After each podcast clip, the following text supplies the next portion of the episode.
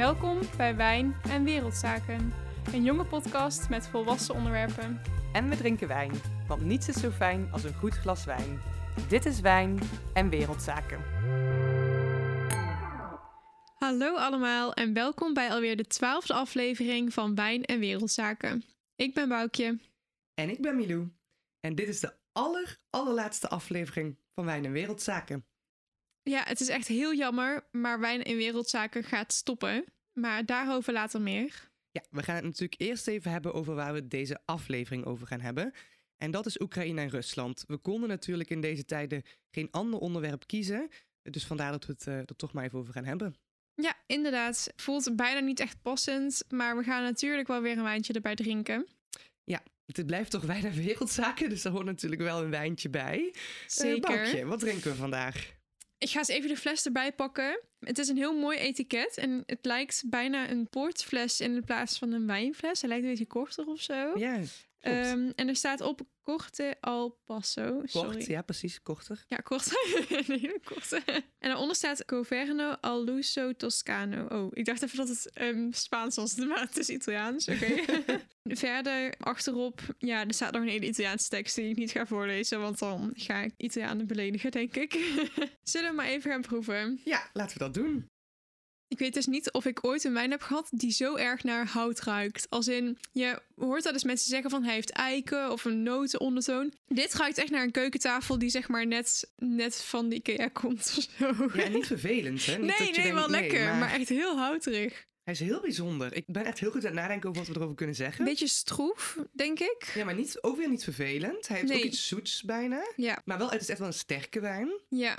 Ik bedoel, ik ben redelijk verkouden nu we dit opnemen, maar ik ruik hem nog goed en ik Ja. proef hem nog goed. En je kan hem niet als soepel omschrijven, vind Nee. ik. Maar wel, Hij is wel lekker. ja, Jos zei ook al wel dat hij iets bijzonders zou kiezen voor de laatste keer. Dus dat is wel gelukt. Ik ben echt gewoon, ik ben echt, ik ben zit heel te ruiken aan de wijn. Ja, Jullie kunnen is- natuurlijk niet zien, maar hij is echt, Het is ja, echt heel bijzonder. die houtgeur is echt heel intens. Ja. Het is moeilijk om te zeggen. Het is in ieder geval hout inderdaad wat, wat te proeven. En wel een sterke wijn inderdaad. Maar wel echt lekker. Ook niet een vervelende nasmaak. Niet iets wat brandt of zo. Nee, het is, het totaal is heel niet. bijzonder. Dus daar heeft hij eh, in ieder geval gelijk in. Zullen we onze wijnkenner er eens bij halen? Ja.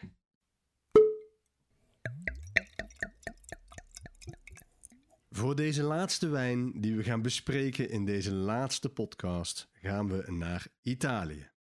Italië is natuurlijk een fantastisch wijnland met geweldig mooie streken. En de wijn van vanavond komt uit Toscane. Toscane, een culturele maar ook culinaire bijzondere streek in Italië. Bekend van zijn Chianti's en zijn Super Tuscans. Een briljante streek die heel veel te bieden heeft. Maar er worden ook wijnen gemaakt met bijzondere technieken. En de wijn van vanavond is zo'n wijn. Doppio passo, ripasso, appassionamento, passito, allemaal termen die aangeven dat de wijn soms gedeeltelijk gemaakt is met gedroogde druiven. En dat is de wijn van vanavond ook. In Toscane heet dat proces governo. Governo is in de Toscane een klassieke manier van vinifiëren. Na de oogst in november wordt de jonge wijn met 10% most van gedroogde druiven gemengd. Nou, dit geeft de wijn uiteindelijk een diepere en vollere smaak. De wijn van vandaag is de Governo Aluso Toscano Rosso van Corte al Passo uit 2019. Het is een wijn van de Casa Vinicola Fratelli Nistri. Het is gelegen in Prato, zo'n 20 kilometer ten noordwesten van Florence, midden in de Chianti. De belangrijkste druif, überhaupt in de hele of eh, überhaupt in de hele Toscaanse regio, is de Sangiovese. Sangiovese, daar wordt ook Chianti van gemaakt. En ook de wijn van vandaag is gemaakt van Sangiovese. Alleen deze Governo die is dus gemaakt van deels gedroogde druiven en deels gewone druiven na de oogst. En deze Governo Aluso Toscana Rosso is een mooie robijnrode wijn. Hij smaakt naar donkere kersen, naar zwarte bes. Eigenlijk typisch voor die Sangiovese druif. Het is een sensationeel rijke, geconcentreerde wijn en zeker de prijs-kwaliteitverhouding van deze wijn is fantastisch. En naast het donkere fruit proef je amandel en kruidige componenten zoals vanille en karamel. De wijn is mooi vol van smaak, hij is elegant, hij is zacht met fijne zuren en met een heerlijke lange afdronk. Geniet ervan. Nu vind ik dan weer typisch dat bij hout, zeg maar, ruiken en proeven en dan zegt hij dat niet. Ja, het is misschien een beetje die vanille-achtig. Ja, maar voor mij is het gewoon alsof ik een keukentafel drink. Nou, dat klinkt ook niet heel positief, een Nee, keukentafel Maar drinken. dan op een lekkere manier. Een- op een lekkere manier een keukentafel drinken. Jullie kunnen je natuurlijk allemaal voorstellen wat ik jullie bedoel, dus dat is fijn. Nee, ja, het zal wel toch dat een beetje dat zoete en die lange afdronk zijn wat, wat we proeven. Ja. Ja. En ik denk dat het bijzondere wat we proeven wel die gedroogde druif is dan. Ja, ik denk inderdaad dat dat een beetje dat stroeven geeft of zo, wat we zeiden. Wat wel heel lekker is, maar ja, dat... Want dit is wel echt anders dan de andere wijn die Ja. we hebben gehad. En dit is het enige wat echt, echt anders Ja. is. Dus nou, het is een leuke voor, eh, voor de laatste podcast. En hij is dus nou ja, in verhouding niet zo heel erg duur. Nee. Natuurlijk nog steeds niet je onderste schapwijn bij de kool. Geen 2,99. maar goed, in verhouding niet, eh, niet super duur. Ja. We zetten hem natuurlijk weer op Instagram, dan kunnen jullie hem eh, ook kopen. Oké, en dan is het eh, tijd naar de inhoud te gaan van deze podcast. En deze aflevering gaan we het dus hebben over Rusland en Oekraïne. En het kan je eigenlijk bijna niet ontgaan zijn. Maar stel het is je wel ontgaan op 24 februari. Dan heb je onder een steen geleefd. Dan heb je onder een steen geleefd. Maar goed, als recap. 24 februari 2022 vielen de Russische troepen vanuit de Krim, Belarus en vanuit Rusland Oekraïne binnen. En sindsdien is daar oorlog aan de gang. En nou, zei ik al, je kan het eigenlijk niet gemist hebben. Maar het is wel, er gebeurt best wel veel, best wel snel achter elkaar. Dus Ja. het is misschien wel goed als we even kijken naar wat nu de staat is. Welke steden zijn precies in de handen van de Russen nu? Ja, de Krim was natuurlijk al in Russische handen. Ja. En nu zijn daar ook de oostelijke gebieden Donetsk en Lugansk bijgekomen. Mhm. Deze had Poetin al vrij snel na de inval in handen. Want dat ligt vlak bij de Krim, hè? Ligt aan het, aan het, aan het ja. oosten, bij, zeg maar aan de kant van Rusland. Ja. Ja. Maar ook vanuit de Krim in het zuiden proberen Russische troepen op te trekken naar het noorden. Hierbij hebben ze de stad Gerson bijvoorbeeld al eh, ingenomen. En er zijn ook hevige gevechten gaande om de stad Mariupol. Heb je Ja, misschien wel wat van meegekregen? eh, Ja. En dan ook vanuit het noordoosten trekken er troepen op richting Kiev. Eh, Kiev is echter nog steeds in handen van de Oekraïners. Ja, en ik las ook al dat het soms misschien wel enigszins tactisch wordt gedaan, omdat het een zeg maar best wel culturele stad is. Mhm. Ook veel oude Russische dingen in die stad. Dus dat Rusland het misschien ook wel heel wil houden. In ieder geval liever nog niet wil beschieten. Ja, ja. Dus, maar ik denk dat, dat het uiteindelijk zal als- wel, ja, Als ze dat willen, denk ik dat ze het met grof geweld moeten gaan innemen. Want ik denk- ik denk niet dat de Oekraïners zich anders... Die Nee. gaan zich niet zomaar overgeven. Nee, nee, precies. Oké, en dat is dus even de staat van zaken. Zover is het Russische leger dus nu Oekraïne binnengevallen. En aan de andere kant worden allemaal sancties opgelegd aan Rusland om ze te laten stoppen met oorlogsvoering. Want even ook ter recap, Oekraïne is dus geen lid van de EU en ook geen lid van de NAVO. Nee. Want stel, Rusland had een land aangevallen die dat wel was, dan was natuurlijk de Europese Unie en de NAVO nog veel harder opgetreden. Dan hadden die gewoon mee gaan vechten. Ja. Dat is nu niet. Ja, Even ter verduidelijking, de NAVO als mee gaan vechten. Ja. En niet de Europese, de Europese Unie als geheel heeft geen, heeft geen Krijgsmacht, eh. krijgsmacht of wat dan ook. Nee, maar dan was, waren inderdaad de was NAVO-landen waren eh, ja, in oorlog gegaan met Rusland. Ja. Dat is natuurlijk niet zo nu. Maar de landen eromheen, de Europese Unie, maar ook de NAVO, is het wel allemaal niet eens met wat Rusland doet. Dus eh, er zijn allemaal sancties opgelegd aan Rusland om ze te laten stoppen met de oorlogsvoering. Wat zijn nu precies die sancties die opgelegd zijn? ja, het zijn dus tot nu toe voornamelijk economische sancties. Mhm. Die bedoeld zijn om Poetin en zijn directe entourage het financieel heel zwaar te maken. Dit begon dus met het bevriezen van de tegoeden van zogenaamde Russische oligarchen. Dat zijn eigenlijk een beetje de machthebbenden in Rusland en het, het clubje direct om Poetin heen. En hun tegoeden zijn, die zijn bevroren bij Europese banken. Ze hadden gewoon geld opgeslagen in Europese Ja. banken. En dat, ja. Bijvoorbeeld, er zijn veel Russische oligarchen, die zijn vooral in Londen, zijn die, ehm, wonen er veel in Parijs. Hun kinderen bijvoorbeeld, die gaan naar Cambridge en Oxford. En Oh ja. ja, dat is, daar, dat is nu dus echt allemaal wel een beetje eh, verleden tijd. Ja. En inmiddels zijn ook zeven Russische banken uitgesloten van het internationaal betalingssysteem SWIFT. Oh ja, ik zal er ook niet, veel over. ja, ik zal er eh, niet helemaal ja. op ingaan, maar dat is echt al een hele grote stap. Een stap die namelijk niet alleen direct effect heeft op Poetin en zijn clubje, maar ook Mhm. op de inwoners van Rusland en op ons. Eh, de roepel is in ieder geval al enorm in waarde gedaald. En Rusland stevend nu echt op op een enorme economische crisis. Ja, want dat SWIFT, daar is natuurlijk heel veel van over in het nieuws geweest. We kunnen daar natuurlijk niet te diep op ingaan. Mhm. Maar een beetje voor het idee, waarom is het zo vervelend om daar niet aan deel te mogen nemen? SWIFT is eigenlijk nodig als jij transacties, internationale transacties wil doen. Mhm. Ik geloof, ik ben natuurlijk geen econoom, maar Nee. ik geloof dat dat dan, het gaat allemaal ongeveer via SWIFT. En een soort van Het geeft veiligheidsgaranties, dat soort dingen. Dus als Ja. jij als Russisch bedrijf een grote overboeking wil het krijgen of zo van een Frans bedrijf, dan gaat dat nu dus niet meer. Ja. ja, dus dat zijn op zich wel nou ja, goede sancties om... eh, die voelen ze wel, zeg ja, maar. absoluut. Ja. Ja, en dan is natuurlijk wel een beetje de vraag, wat proberen ze precies te bereiken? Want denken ze dat hiermee ja, Rusland echt gaat stoppen met oorlog voeren? Dat hopen ze. Ik denk niet dat ze het denken. Economische sancties zijn alleen op dit moment het, echt het enige middel dat het Westen kan inzetten om Poetin te proberen een halt toe te roepen. Ja, Want ook al wil president Zelensky van Oekraïne graag dat Europese landen en de NAVO hem bijstaan in de verdediging tegen Rusland, is dit simpelweg geen optie zonder een derde wereldoorlog te ontketenen. ja, want als ze nu gaan meedoen, dan is het natuurlijk één dan ziet Poetin dat als een aanval op hem en dan, is het, dan breekt alle hel los. Ja, Ehm, dus daarom proberen ze nu met sancties druk uit te oefenen. Ja, Ja. Dat, is, ja dat is echt een soort het enige wat ze nu eh, kunnen doen. Ja. ja. En het is natuurlijk een beetje, die sancties hebben ook heel veel invloed op de Russen zelf. Ik vind overigens Rutte dat bijvoorbeeld wel echt netjes doen. Dat het heeft, het heeft over het is Poetin en zijn regering die Ja. dit doen, niet Rus- de Russen zelf. Maar proberen ze dan te bereiken dat bijvoorbeeld de Russische inwoners in opstand komen of zo tegen het beleid van Poetin? Ik denk niet dat dat iets is dat ze direct proberen te bereiken, omdat je dan natuurlijk ook de Russische bevolking zelf mee in gevaar brengt. Mhm. Maar het is zeker zo dat de Russische inwoners hebben hier last van, van de sancties. Ja, Ook omdat los van de sancties die vanuit de politiek komen, heel veel winkelketens nu zelf besluiten Rusland te verlaten. oh ja. ja. Denk bijvoorbeeld aan Ikea, H&M, Starbucks. En dat is echt nog niet, dat is nog Ja, lang niet nog- alles. ja. Ehm, en hierdoor kunnen Russen natuurlijk niet alleen die productie niet meer krijgen waar ze aan gewend zijn, maar ook alle mensen die daar werken raken hun baan oh ja, kwijt. tuurlijk. Ja, daar had ik nog helemaal niet aan gedacht. Ja, Dus nog eigenlijk nog misschien, misschien, wel veel nog meer ingrijpender dan, eh, dat je... je belienkast niet meer kan kopen. ja, of je, je pumpkin spice latte of zo.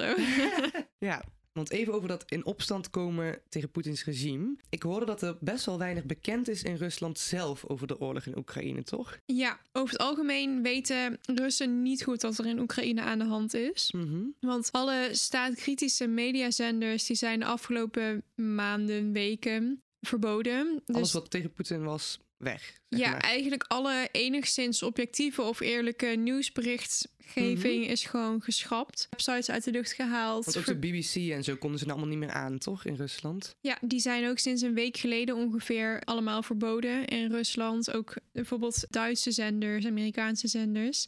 Mhm. En dit heeft als gevolg dat Russen eigenlijk alleen nog maar nieuws direct vanuit het Kremlin kunnen krijgen. En het Kremlin is... Het Kremlin is zeg maar waar Poetin zit, zijn ja. regering. Ja. En dit is helaas voornamelijk een groot deel misinformatie en propaganda.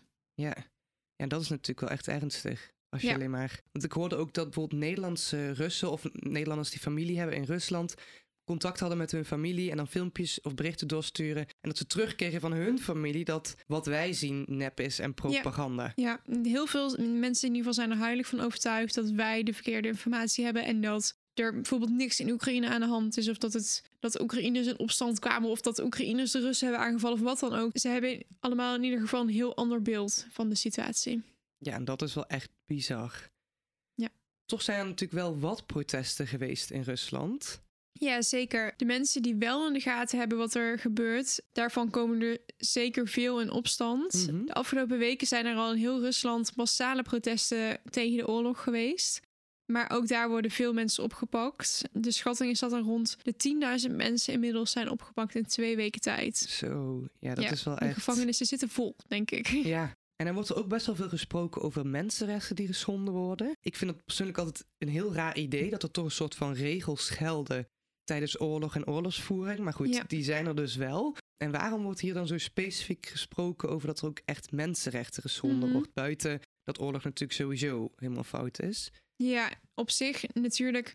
De regels voor mensenrechten die gelden altijd, of er nou oorlog is of niet. Ja, Er wordt door Russische soldaten namelijk doelbewust geschoten op vluchtende burgers. Zo heb ik bijvoorbeeld afschuwelijke foto's gezien van Oekraïners die Mhm. neergeschoten zijn. En je zag gewoon nog de koffers naast ze liggen. Want ze Oh, waren gewoon echt- letterlijk met hun koffers aan het vluchten. En ook worden er burgerdoelen gebombardeerd, zoals flatgebouwen Oh ja. en een kinderziekenhuis. ja, oh ja, Aantal dat is geleden. Ja. Dit betekent dat het geen oorlog meer is enkel tussen twee legers. Zoals het bijvoorbeeld in 1800 met, een, met Napoleon nog wel eens ging. Ja. Maar dat de Russen echt oorlog hebben verklaard aan heel Oekraïne, inclusief de burgers. ja, en dat is natuurlijk echt Ja, dat, dat is mensenrechten schendingen. Ja. Want je kan niet zomaar ongegrond burgers... allemaal burgers aanvallen die hier Nee, eigenlijk niks mee te maken hebben. Nee, zeker niet. Ja. En daarnaast heeft Rusland zich tot nu toe eh, niet gehouden aan de staakt het vuren momenten die waren afgesproken. Mhm. We hebben bijvoorbeeld afgesproken om burgers te evacueren uit de stad Mariupol, waar hevige gevechten gaande zijn en een tekort Ja. is aan noodvoorzieningen en voedsel. Ja. De vluchtroutes die Rusland wel maakt en veiligstelt, zijn enkel routes die naar Rusland leiden. Oh ja, heel fijn. En dit mag officieel niet, want burgers moeten, hebben altijd het recht om te kunnen vluchten binnen hun eigen land, bijvoorbeeld. Oh ja. En dat staat Rusland dus niet toe. Of ja, Poetin Ja, staat nee. dat niet toe. Als Ja. ze dan vluchten, dan mogen ze alleen naar Rusland komen. En hoe zit het dan met die vluchtelingen? Want er zijn natuurlijk wel heel veel mensen uit Oekraïne gevlucht Mhm.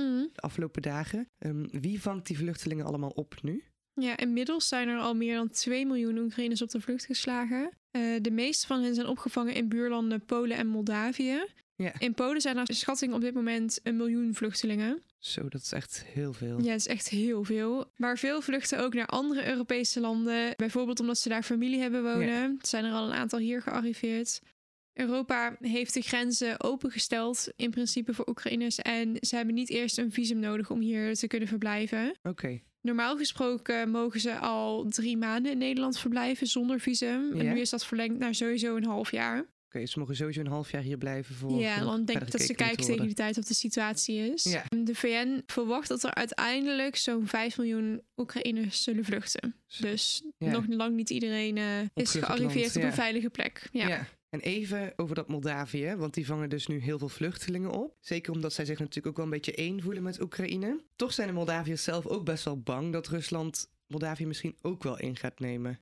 Ja, dat klopt. Er heerst wel die angst. Moldavië is een klein landje aan de grens van Oekraïne. En het is net als Oekraïne vroeger onderdeel geweest van de Sovjet-Unie. Mhm. En ook in Moldavië zitten pro-Russische groeperingen die daar een deel van het land hebben uitgeroepen als een los pro-Russisch deel. Deel. Ja. Maar ook in Moldavië zijn Russische troepen. Die zouden daar staan als een soort vredestroepen. Maar daar denken veel Moldaviërs natuurlijk zelf anders over. ja, zeker nu. Ja, velen zijn nu bang dat als Rusland Oekraïne echt inneemt, dat hij ook gemakkelijk kan denken: nou, dan neem ik Moldavië ook in, want Ja, dat is een klein land. klein landje. Die zijn ja. ook geen NAVO-lid of EU-lidstaat. Dus hij loopt eigenlijk. Ja, nog steeds weinig risico. Ja, precies. Ja. En hij heeft nu natuurlijk vrij weinig meer te verliezen. Ja, dus die angst die is er absoluut. Maar er is nu niet meteen aanleiding voor dat Rusland Moldavië binnen gaat vallen, toch? Nee, ik denk het niet. De angst is natuurlijk niet irreëel. Moldavië heeft zich wel aangemeld bij de Europese Unie dat ze heel graag lid zouden willen worden. Mhm. Want dat zijn ze nu dus nog niet. Dat is natuurlijk iets wat Poetin absoluut niet wil. Nee, die wil zijn eigen stukje Rusland daar allemaal houden. Ja, dat is echt zijn missie. Zijn, hij ziet het als een soort van heilige missie om het Rusland te herstellen zoals het ten tijde van de Sovjet-Unie bijvoorbeeld in 1960 of zo was. Dus ja, we hopen allemaal dat de oorlog in Oekraïne hem zo slecht bevalt dat hij niet hierbij verder gaat. Ja, En dat misschien economische sancties genoeg zijn om hem en zijn leger zodanig te verzwakken dat hij het gewoon hij niet niet aan kan om ja. nog een extra land in te vallen. Ja. Ja. En we hebben het natuurlijk al even gehad over de NAVO en de Europese Unie. Maar wat is precies de positie van Nederland in deze situatie? Wat, ja, wat doet Mhm. Nederland? Ja, Nederland zit eigenlijk heel erg op één lijn met andere Europese landen en de NAVO-partners.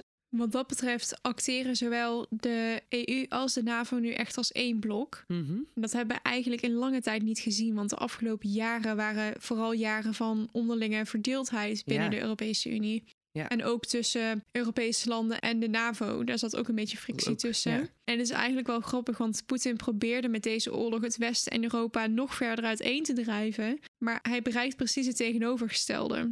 Het is natuurlijk ook wel een beetje... Ja, dat gebeurt al in vriendinnengroepen, zeg maar. Eén gezamenlijke vijand maakt een- mensen een- closer. ja, precies. Een gezamenlijke vijand zorgt gewoon voor onderlinge cohesie. En nu vinden dus niet alleen Europese partners elkaar weer. Ook andere landen die tot op heden geen NAVO of EU-lidstaat zijn, zien nu de waarde van die multilaterale verbanden. ja.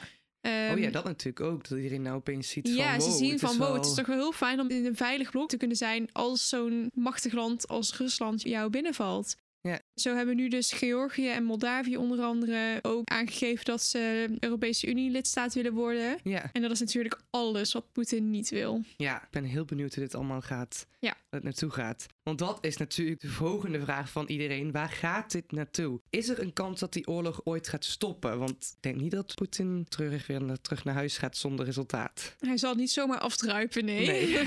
maar het is natuurlijk heel erg lastig inschatten. Bijna niemand zag het überhaupt aankomen dat Rusland Oekraïne zou binnenvallen. Nee, ik Ehm, had ook echt niet gedacht dat ze het echt zouden gaan doen. Ja, ik vreesde er. Ik moet toegeven dat ik de laatste aantal weken van die spanningen. Het, Ja, toen was het wel iets ik, meer... ik vreesde wel dat het zou gaan gebeuren. Omdat, ook, vooral omdat ik hier geen weg terug meer in zag. Nee, maar ik dacht juist, als hij aanvalt, dan is er echt geen weg meer terug. En dat weet hij zelf ook. Ik dacht daarom misschien dat hij het vooral gaat dreigen en het niet echt gaat doen. Dus ik, nou, ik was best wel geschrokken dat hij het echt Mhm. deed. Sowieso ben je natuurlijk geschrokken dat hij gewoon een land binnenvalt. Ja, maar zeker ook de schaal waarop. Want veel mensen hadden dan verwacht dat hij bijvoorbeeld alleen de oostelijke gebieden Ja. zou innemen Ja, en het daarbij zou laten. zou doen of zo. Ja, dan- precies. Een soort van tweede Krim. Maar nu hangt het er, wat, zeg maar, hoe de, waar de oorlog naartoe gaat, hangt het er een beetje vanaf hoe sterk de Oekraïners zich blijven verzetten en of het de Russen lukt om Kiev in te nemen. Ja. Want in het geval dat dit ze lukt, zal Rusland proberen een pro-Russische marionet waarschijnlijk als vervanging van Zelensky te installeren. Mhm. Maar ja, dat je een land binnenvalt en inneemt, betekent nog niet dat de inwoners dat zullen accepteren. Nee, en zeker niet de Oekraïners, denk Nee, ik. Als je nee. ziet hoe hard ze terugvechten. Absoluut, ja. Daarom is mijn voorspelling dat er wel eens een guerrilla-oorlog zou kunnen ontstaan. Tegen de pro-Russische regering die er dan waarschijnlijk zit in Kiev. En dit zou dan echt een hele lange, bloedige oorlog gaan worden. Die niet alleen de Oekraïners heel veel zal gaan kosten, letterlijk ook in mensenlevens. Maar Ook, ook de Poetin Russen. en Ja. de Russen. En zou het op lange termijn, vroeg een van de mensen in de, Mhm. op de Instagram, zou het ooit het einde van Poetin kunnen betekenen? Ja, dat hangt er een beetje vanaf hoe sterk het verzet vanuit Oekraïne gaat blijven. En het verzet vanuit Rusland zelf natuurlijk. Want er zijn hier mensen die hopen dat er een koepoging zal gaan gebeuren vanuit Poetins directe kring. Gewoon in Rusland zelf, zeg maar. Ja, in Ru- Rusland zelf. Omdat natuurlijk ook groeperingen daar zien van ja, dit, dit is echt gestoord. dit is dramatisch. Dit is niet alleen dramatisch voor Oekraïne, maar dit is ook dramatisch voor, voor ons Russen. Ja, Maar ik denk dat die kans heel klein is. Beveiliging rondom Poetin is natuurlijk enorm. Hij heeft al maandenlang, ik geloof al twee jaar zelfs, ziet hij bijna niemand meer. En als die mensen ziet, dan zitten ze helemaal aan de andere kant van een hele lange tafel. ja dan Ehm, COVID krijgen. ja,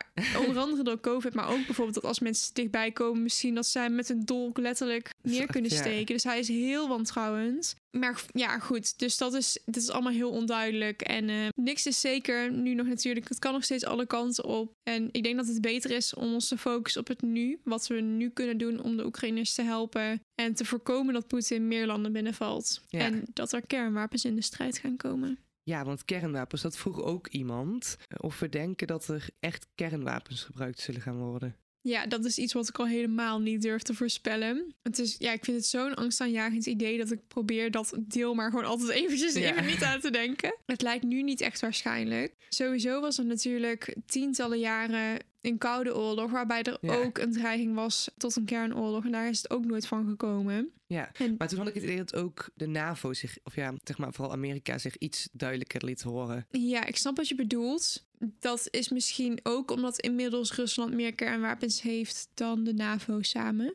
Dus dat is ook misschien iets waardoor Amerika iets terughoudender is. Oh ja, Ehm, ja, dat is natuurlijk ook maar een beetje gissen. Maar met kernwapens is het natuurlijk zo. Kijk, zodra je er één afvuurt, weet je Ja, vrijwel zeker dat je er één één terug. terugkrijgt. Dat heet in, in politieke term heet dat mutually assured destruction. Dus als Poetin besluit inderdaad een kernwapen af te vuren op bijvoorbeeld Brussel of de VS, ja, dan weet hij dat er waarschijnlijk één op het Kremlin afkomt. Ja, En ook al komt er geen echte oorlog, de dreiging tot een kernoorlog is al genoeg voor de NAVO om nu geen actie te ondernemen in Oekraïne. ja. om te Dus ze, werpen, dat, ze ja. werken wel echt als afschrikking. Ja. Ja. Over kernwapens gesproken. We gingen dus wat tips opzoeken over hoe je zo goed mogelijk een ja, atoomaanval overleeft. Zonder heel depressief te worden kun je niet zo heel veel doen. En moet je vooral hopen dat je op de goede plek op het juiste moment bent. Maar mocht er een bom in je omgeving vallen, Schuil dan in een kelder. Is logisch. Zoek even op. Waar waren de schuilkelders in de Tweede Wereldoorlog? Misschien Die zijn zijn, die er, er nog. nee, die zijn er dus bijna niet meer. Nee, klopt. Ik ging het ook opzoeken hè, hier in de omgeving. Waar zijn schuilkelders? Geen. Nee, geen. Ge- ge- Er zijn geen schuilkelders. Maar goed, als er een atoom omkomt, is er een hele heldere flits. Daar moet je niet in kijken. En die informatie heb je dus bijzonder weinig. Want je kunt moeilijk de hele dag met je ogen dicht gaan rondlopen voor als er Plus, ik denk als je ergens een komt. hele heldere flits komt, dan kijk je. Want dan, denk je, wat is dat? Maar goed, de tip is dus kijk er niet in. En wat ook echt een geweldige tip is, je kunt het best witte kleding dragen. Want dat absorbeert veel minder straling dan donkere kleding. Dat is Dus- ook slim, want je weet natuurlijk, als je ochtends opstaat, Ja. ja. je weet dat er dan een kernbom gaat vallen. Dus misschien denk je dan, weet je wat, ik trek een witte outfit aan. Ja, dus de tip is eigenlijk: verander heel je kledingkast naar alleen nog maar witte dingen. Leef 24/7 in een kelder en heb altijd je ogen dicht. En als je nog wat ruimte over hebt, kun je nog jodiumtabletten slikken. Die zijn overal al lang uitverkocht, want iedereen is doodsbang. Maar die helpen ook nog een klein beetje tegen de straling voor je schildklier. Maar goed, dat terzijde. Dus ja, de tips zijn weer heel goed. Ehm, dus als je tot hier bent gekomen met luisteren in de podcast, heb je echt levensreddende tips gekregen. Ja, jongens, ik denk dat huizen met kelders dadelijk, die worden nog veel duurder. nou goed, de wijn is in ieder geval lekker vandaag. Dat is dan Ja. nog iets positiefs. Ja, zeker. Ja, vergeet daarom vooral als je naar de kelder verhuist om niet gewoon een hele wijnvoorraad mee te nemen. Dat is natuurlijk het Kun je allerbelangrijkste. jezelf in ieder geval bezatten, dan Ja. ehm, is het misschien wat minder erg. Ja. Nou goed, dat was eigenlijk alles wat we jullie wilden vertellen over Oekraïne en Rusland. We kunnen hier uren over doorgaan. Ja. Ook met voorbereiden hadden we eigenlijk steeds nieuwe onderwerpen. We wilden het kort en Ja. krachtig houden. Dus even de highlights die we hebben aangestipt. Maar als je meer wil weten, dan volg vooral allerlei podcasts die hierover gaan. Het zijn ook specifieke podcasts die gewoon elke dag dingen plaatsen over Oekraïne. En de West Live blog. Er is echt heel veel informatie over te krijgen nu. En misschien dat deze podcast wat meer duidelijkheid heeft gekregen, zodat je de rest van de informatie wat makkelijker kan volgen. Ja, en dit was onze laatste aflevering.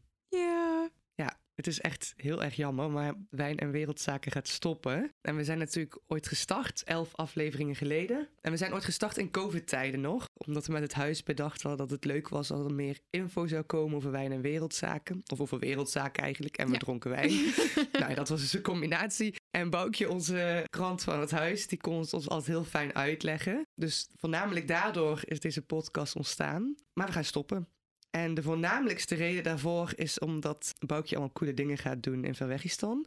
Dus- Ver weg is dan. Den Haag, jongens. Ver Niet, weg is eh. Dus ja, vanaf volgende week zijn we geen huisgenootjes meer. Nee, dat is een heel raar idee. Ik ga inderdaad verhuizen. Ik heb een nieuwe baan waar ik binnenkort ga beginnen. Dus ehm, ja, en Milou heeft het trouwens ook druk, jongens, met kooschappen. Dus eh, Ja, het is maar- niet alleen ik. Ja, want wat ga je doen eh, in Den Haag? Ik ga werken bij de Britse ambassade in Den Haag. Klinkt toch heel cool, hè? Ja, het is voor mij ook heel leuk, omdat ik heb natuurlijk een achtergrond vooral ehm, in Britse politiek. Een beetje alle, alle politiek, maar voornamelijk Britse politiek. Daar ligt echt mijn hart. Dus eh, ja, superleuk dat ik dit kan gaan doen. En daar gaat Boukje dus eh, werken vanaf volgende week. Dus dat is heel leuk. Maar dan is er niet meer zoveel tijd voor de podcast. Nee, helaas. Maar we hebben wel, om het hiermee af te sluiten, een hele leuke blijheidsbrenger voor jullie. De blijheidsbrenger. Met deze blijheidsbrenger ehm, dachten we, we gaan jullie even tips geven voor andere goede podcasts. Natuurlijk niet zo goed als die van ons, maar voor andere goede podcasts over eh, wereldzaken en internationale politiek. Dus we hebben even een lijstje gemaakt met ja, de podcasts die, eh, die wij luisteren en die wij fijn vinden, om een goed overzicht te krijgen. Ja, de eerste is Europa draait door, heet die. Vind ik zelf een hele leuke. Die hebben elke week, een, eh, elke vrijdag een aflevering. En die bespreken eigenlijk elke keer iets actueels. Dus, ehm, en dan gaan ze er echt gewoon goed diep op in met experts die ze uitnodigen. Ja, en dan heb je ook Lang Verhaal Kort van NOS op 3. Dit is eigenlijk, het is een beetje vergelijkbaar met wat wij doen. Natuurlijk wederom niet zo leuk. Ze drinken geen wijn, dus ja. ze drinken geen wijn. Maar ze vatten wat moeilijkere onderwerpen in het nieuws, vatten ze samen. Ja, en dan heb je NOS De Dag. Dat is eigenlijk een podcast die volgens mij elke dag Mhm. een podcast online Het brengt. heet ook kort. De Ja, Dag. het heet ook De Dag. Die plaatst dus elke dag een podcast waar ze echt heel kort in 20 minuten iets vertellen wat op dat moment heel actief is. Dus nu gaat dat voornamelijk over Oekraïne. En NRC Vandaag is ook een podcast die eigenlijk dagelijks laat zien wat er gebeurt in het nieuws. Het zijn iets langere afleveringen dan eh, NOS De Dag, maar een beetje hetzelfde idee. Ook zij drinken geen wijn. nee, helaas. Niemand drinkt wijn, dat is Nee. echt een gemiste kans. Ja, en dan hebben we nog een aantal laatste. De andere is De Atlantische Blik. Dat is een podcast van een soort van jongere denktank clubje platform waar ik bij zit van de jonge Atlantici. Mhm. Een hele leuke podcast waar twee medebestuursleden van mij een soort van ook zo dit soort leuke gesprekken voeren samen over internationale politiek. Maar ook e- één keer in de maand geloof ik of één keer in de twee maanden wat eh, dieper interview doen met een externe gast erbij. Mhm. Ehm, en dan heb je bijvoorbeeld BNR De Wereld, is een wat klassiekere podcast. Gewoon over wereldzaken en internationale politiek. Als laatste de Maarten van Rossum podcast. Als je hem kan uitstaan, dan is het op zich wel een leuke. Want hij legt wel eh, bepaalde situaties legt hij goed uit en heel rustig. Dus eh, Ja. wel een fijne. En we hebben nu vooral de Nederlandse podcast genoemd. Ook om ja, dat het gewoon wat makkelijker luisteren is. Woukje heeft ook nog vier Engelse podcasts verzameld. Die zullen we niet heel uitgebreid toelichten. Maar even, Woukje, zal noem gewoon even, de- highlights. Ja, ik zal even de namen. Dat is de eerste voor nu is de Ukraine cast over Oekraïne natuurlijk. Die Ja. uploaden ook dagelijks. Dan heb je de Daily van de New York Times, een dagelijkse podcast. En dan de Britse variant is Today in Focus van The Guardian. En dan de laatste is wel een wat hoger niveau, misschien wat lastiger, maar ik vind hem wel heel interessant. En dat is de Rackman Review. Ja, dus als jullie echt helemaal in willen duiken, dan weet je waar je moet Ja. eh, zijn. En daarmee gaan we de podcast voor vandaag afsluiten. En voor de aller, allerlaatste keer willen we jullie ontzettend bedanken voor het luisteren. Ja, inderdaad. En een speciale shout-out naar onze vaste, trouwe luisteraars die al onze podcastafleveringen hebben geluisterd. We zijn natuurlijk heel blij met jullie. We hopen dat deze podcast jullie heeft geïnspireerd om meer te willen leren over wereldzaken. Of wijn, natuurlijk. Zeker. en misschien dat er tussen de aanbevelingen uit de Blijheidsbrenger nog wat leuke podcasts tussen zitten die jullie kunnen gaan luisteren om meer te leren over wereldzaken. Ja, en we willen natuurlijk, omdat de laatste podcast is, nog wat mensen bedanken die hebben meegeholpen aan de podcast. Maarten voor het maken van onze jingle en ons alle uitleg heeft gegeven over het programma wat ik af en toe vervloekt heb met bewerken. Jullie willen niet weten wat voor een uren Milou er heeft ingestopt om Oh, en af en toe ging alles mis. De ruzie met het programma was wel de leidraad door deze podcast. Ja, maar dan kon ik Maarten gewoon elke dag opbellen en dan Ja. eh, hielp hij me weer doorheen. Dus Maarten, heel erg dankjewel daarvoor. Ja, en natuurlijk willen we Jos, onze wijnkenner, heel erg bedanken voor al zijn geweldige ingebrachte wijnen en alle leuke verhalen en kennis die hij ons heeft bijgebracht. Ja, en alle heerlijke wijnen die we hebben gedronken door hem. Ja, zeker. Ja, en tot slot willen we onze lieve huisgenootjes bedanken, de burgertjes. Zonder wie dit idee natuurlijk nooit tot stand was gekomen. En die ons hebben geholpen door heel stil te zijn als we een podcast moesten opnemen. En altijd duizenden vragen hebben ingestuurd ehm, die we dan toch absoluut moesten gaan bespreken in onze podcast. Dus zij hebben hier ook absoluut heel veel aan eh, bijgedragen. Ja, we hopen dat jullie dit een interessante laatste aflevering vonden. En als je nog vragen hebt over Oekraïne of Rusland of een andere wereldzaak, dan weet je ons te bereiken via Instagram. Dit was Wijn en Wereldzaken. Heel erg bedankt.